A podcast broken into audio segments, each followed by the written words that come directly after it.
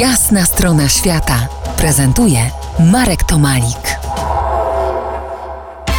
Po jasnej stronie świata Adam Kwaśny, podróżnik, pisarz, scenarzysta, komandante Towarzystwa Przyjaciół Kuby La Compagnia Cubana. Adamie, weźmy na warsztat stereotypy, żeby nie szukać dalej te nasze polskie.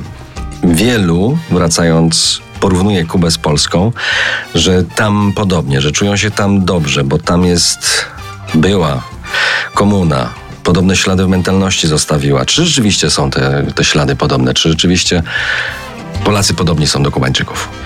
Znaczy Polacy są podobni do Kubańczyków, jeśli chodzi o przedsiębiorczość. Niewątpliwie. Przedsiębiorczość? Tak, no Kubańczycy są szalenie przedsiębiorczy, właściwie w trudnej rzeczywistości, kiedy trzeba zrobić coś z niczego, kiedy trzeba stary samochód naprawić tak, żeby był jak nowy i żeby ciągle jeździł, no to bardzo często tutaj trzeba sobie umieć tak zwane radzić. Faktycznie w takiej sytuacji niedoborów. Natomiast ja bym przestrzegał przed takim prostym odniesieniem, dlatego że to, co było u nas, to też ani nie było komunizmem, ani niczym, to była normalna ruska okupacja.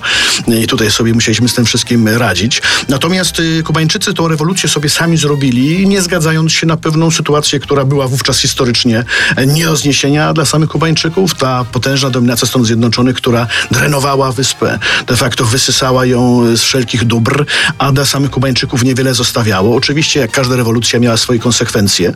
Tego komunizmu już też na Kubie nie ma. Ja to nazywam takie kapitalizmu karibenio teraz mocne. Ja myślę, że to taki bardziej nasz polski kompleks, że się inaczej my chcemy znać, więc chcemy się znać na komunizmie, będziemy go obalać nawet tam, gdzie go nie ma.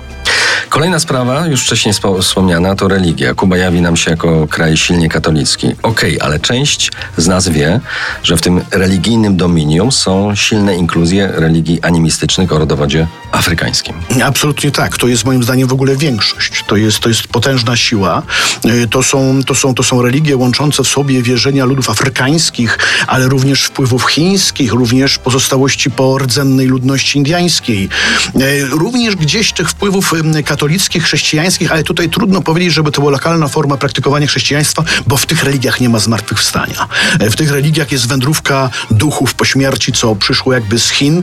Natomiast no tak się uważa, że ten Kolumb przywiózł ten krzyż na Kubę. Potem się okazało, że ten krzyż w ogóle jest zrobiony już na Kubie, bo z drzew lokalnych kubańskich, wprawdzie datowany na ten okres.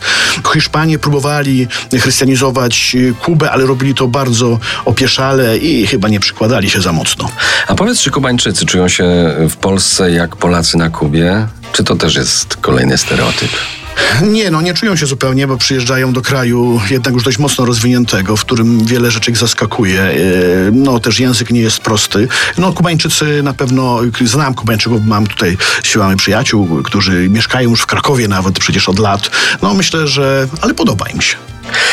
Za kilkanaście minut wypełnionych muzyką RMF Classic powrócę do rozmowy o Kubie z Adamem. Spróbujemy przyjrzeć się zmianom w tym kraju z perspektywy kilkunastu lat. Zostańcie z nami po jasnej stronie świata.